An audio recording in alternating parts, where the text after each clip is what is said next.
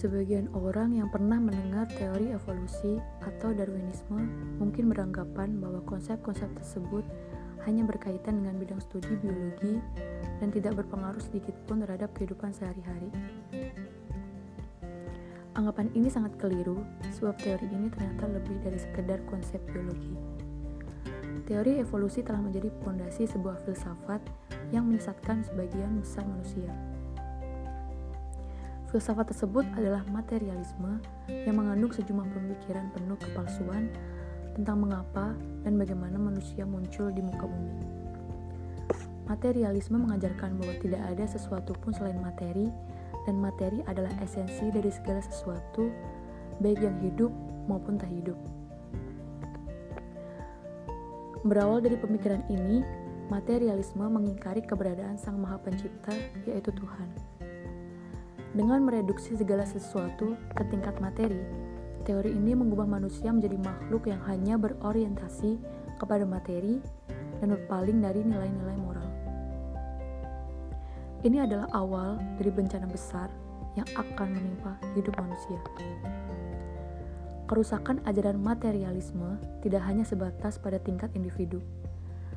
Ajaran ini juga mengarah untuk meruntuhkan nilai-nilai dasar suatu negara dan masyarakat dan menciptakan sebuah masyarakat tanpa jiwa dan rasa sensitif yang hanya memperhatikan aspek materi.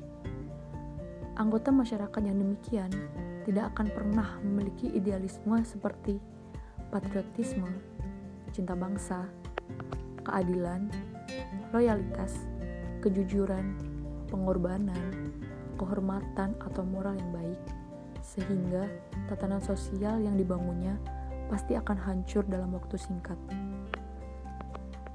Karena itulah, materialisme menjadi salah satu ancaman yang paling berat terhadap nilai-nilai yang mendasari tatanan politik dan sosial suatu bangsa. Satu lagi kejahatan materialisme adalah dukungannya terhadap ideologi-ideologi anarkis dan bersifat memecah belah yang mengancam kelangsungan kehidupan negara dan bangsa. Komunisme Ajaran terdepan di antara ideologi-ideologi ini merupakan konsekuensi politis alami dari filsafat materialisme. Karena komunisme berusaha menghancurkan tatanan sakral seperti keluarga dan negara, ia menjadi ideologi fundamental bagi segala bentuk gerakan separatis yang menolak struktur kesatuan suatu negara. Teori ini menjadi ancaman landasan ilmiah bagi materialisme dasar pijakan ideologi komunisme. Dengan merujuk teori evolusi, komunisme berusaha membenarkan diri dan menampilkan ideologinya sebagai sesuatu yang logis dan benar. Karena itulah, Karl Marx, pencetus komunisme, menuliskan The Origin of Species, buku Darwin yang mendasari teori evolusi dengan Inilah buku yang berisi landasan sejarah alam bagi pandangan kami.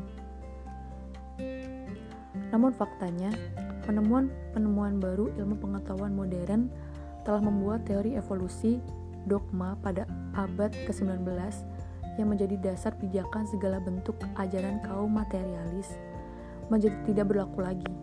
Sehingga ajaran ini, utamanya pandangan Karl Marx, benar-benar telah ambruk ilmu pengetahuan telah menolak dan akan tetap menolak hipotesis materialis yang tidak mengakui eksistensi apa pun kecuali materi.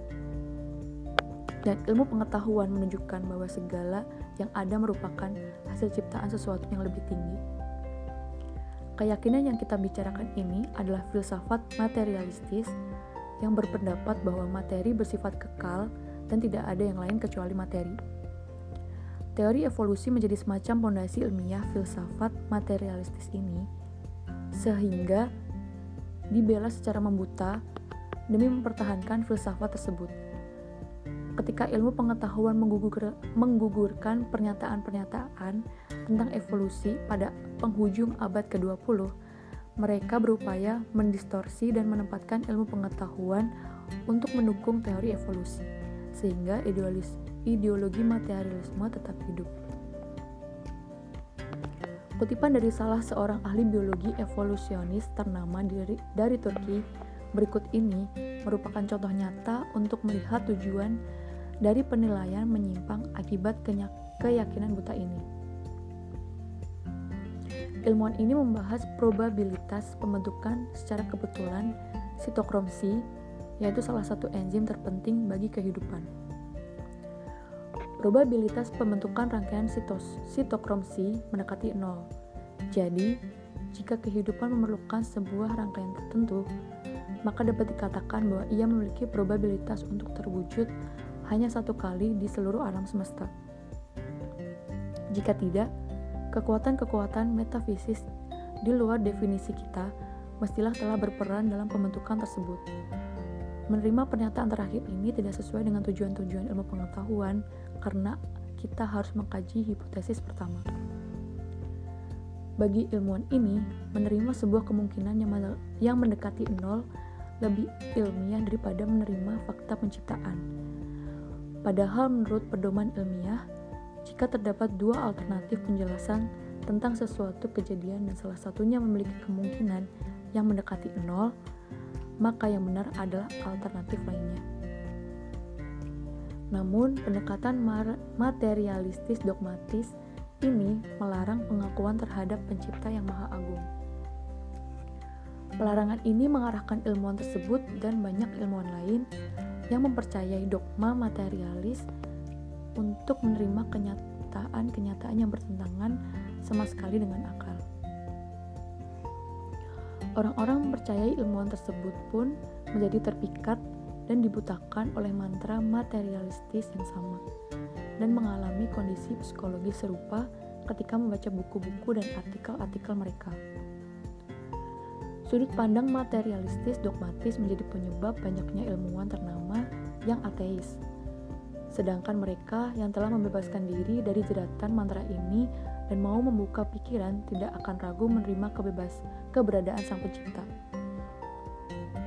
Ahli biologi Amerika, Dr. Michael G. Behe, salah seorang ilmuwan terkemuka pendukung teori intelligent design yang akhir-akhir ini telah diterima luas menggambarkan para ilmuwan yang tidak mempercayai desain atau penciptaan makhluk hidup. Selama empat dekade terakhir, biokimia modern telah berhasil menyikap rahasia sel. Hal ini menuntut puluhan ribu orang yang mendedikasikan bagian terbaik dari hidup mereka untuk pekerjaan laboratorium yang membosankan. Usaha kumulatif meneliti sel, meneliti sel, yang berarti meneliti kehidupan di tingkat molekuler menghasilkan sebuah teriakan tajam, jelas, dan nyaring yang disebut desain. Hasilnya sangat jelas dan begitu signifikan, sehingga harus dikategorikan sebagai sebuah pencapaian terbesar dalam sejarah ilmu pengetahuan. Anehnya, kerumitan yang luar biasa dari sebuah sel ini disambut dengan kesadaran yang tak terungkap.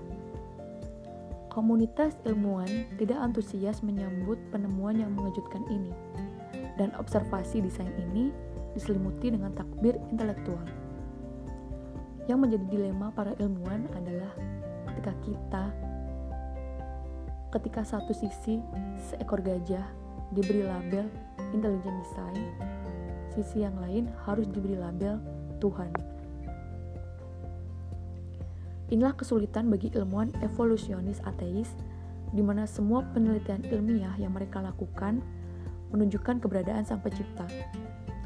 Akan tetapi, karena telah begitu mati rasa dan buta oleh pendidikan materialistik dogmatis, mereka masih saja bersikeras menolak.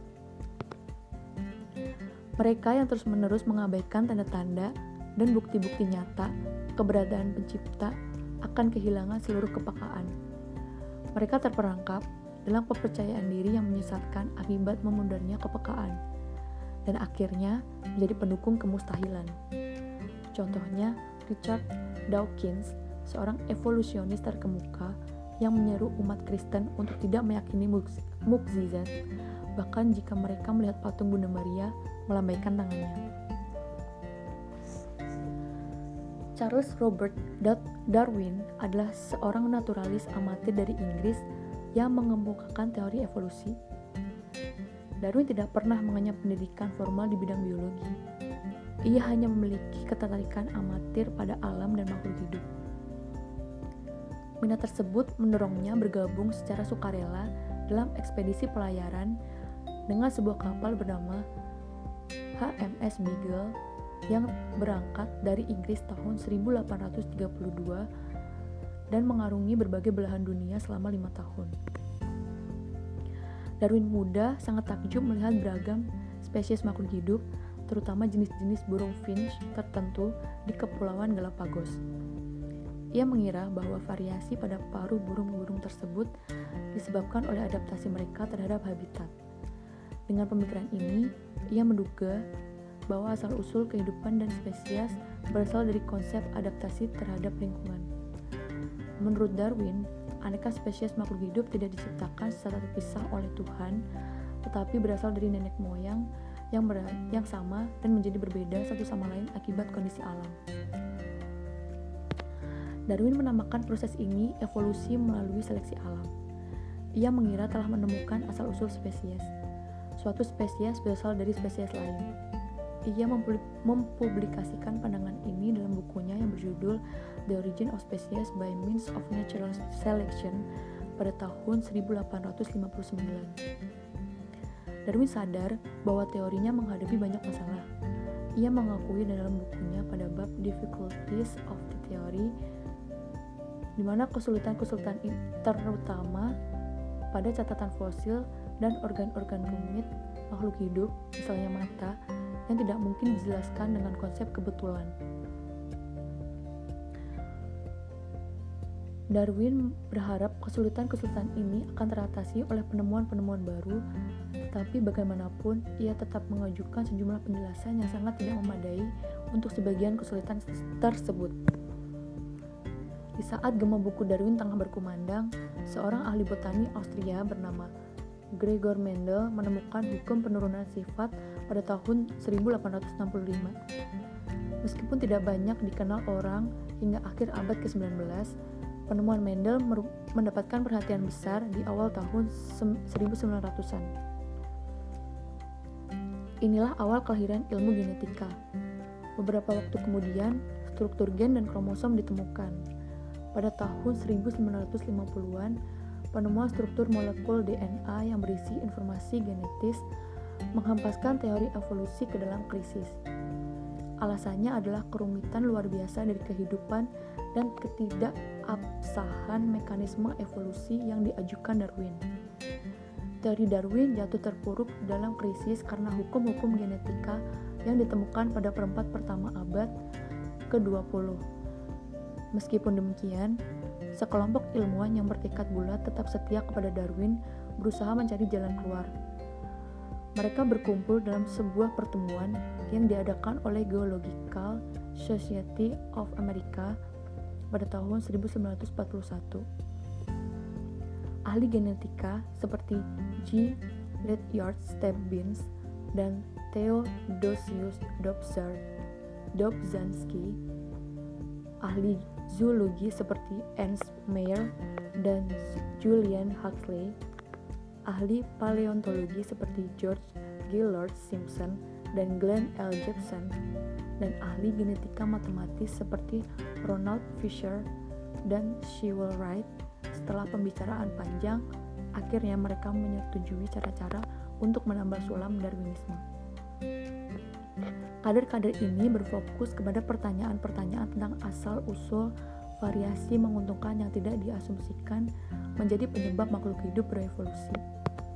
Sebuah masalah yang tidak mampu dijelaskan oleh Darwin sendiri dan dielakkan dengan bergantung pada teori Lamarck. Gagasan mereka kali ini adalah mutasi acak atau random mutations. Mereka menanamkan teori baru ini, teori evolusi sintesis modern atau modern synthetic evolution theory yang dirumuskan dengan menambahkan konsep mutasi pada teori seleksi alam Darwin. Dalam waktu singkat, teori ini dikenal sebagai neo-darwinisme dan mereka yang mengemukakannya disebut neo-darwinis. Beberapa dekade berikutnya menjadi era perjuangan berat untuk membuktikan kebenaran neo-darwinisme. Telah diketahui bahwa mutasi atau kecelakaan yang terjadi pada gen-gen makhluk hidup selalu membahayakan. Neo-Darwinis berupaya memberikan contoh mutasi yang menguntungkan dengan melakukan ribuan eksperimen mutasi. Akan tetapi, semua upaya mereka berakhir dengan berakhir dengan kegagalan total. Teori Neo-Darwinis telah ditumbangkan pula oleh catatan fosil. Tidak pernah ditemukan di belahan dunia mana pun bentuk-bentuk transisi yang diasumsikan teori Neo-Darwinis sebagai bukti evolusi bertahap pada makhluk hidup dari spesies primitif ke spesies, ke spesies yang lebih maju.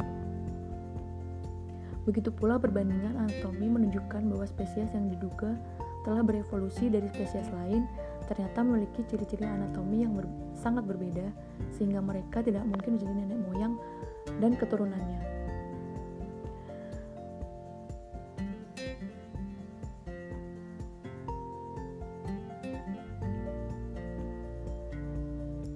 Sebelumnya, ada baiknya mengingatkan kepada pembaca bahwa fakta yang akan kita hadapi di setiap, setiap tahap adalah skenario evolusi yang merupakan sebuah dongeng belaka, kebohongan besar yang sama sekali bertentangan dengan dunia nyata. Ini adalah sebuah skenario yang telah digunakan untuk membohongi dunia selama 140 tahun. Berkat penemuan-penemuan ilmiah terakhir, usaha kontinu mempertahankan teori tersebut akhirnya menjadi mustahil. Sekian pendapat saya mengenai keruntuhan teori evolusi dari buku Harun Yahya. Terima kasih. Wassalamualaikum warahmatullahi wabarakatuh.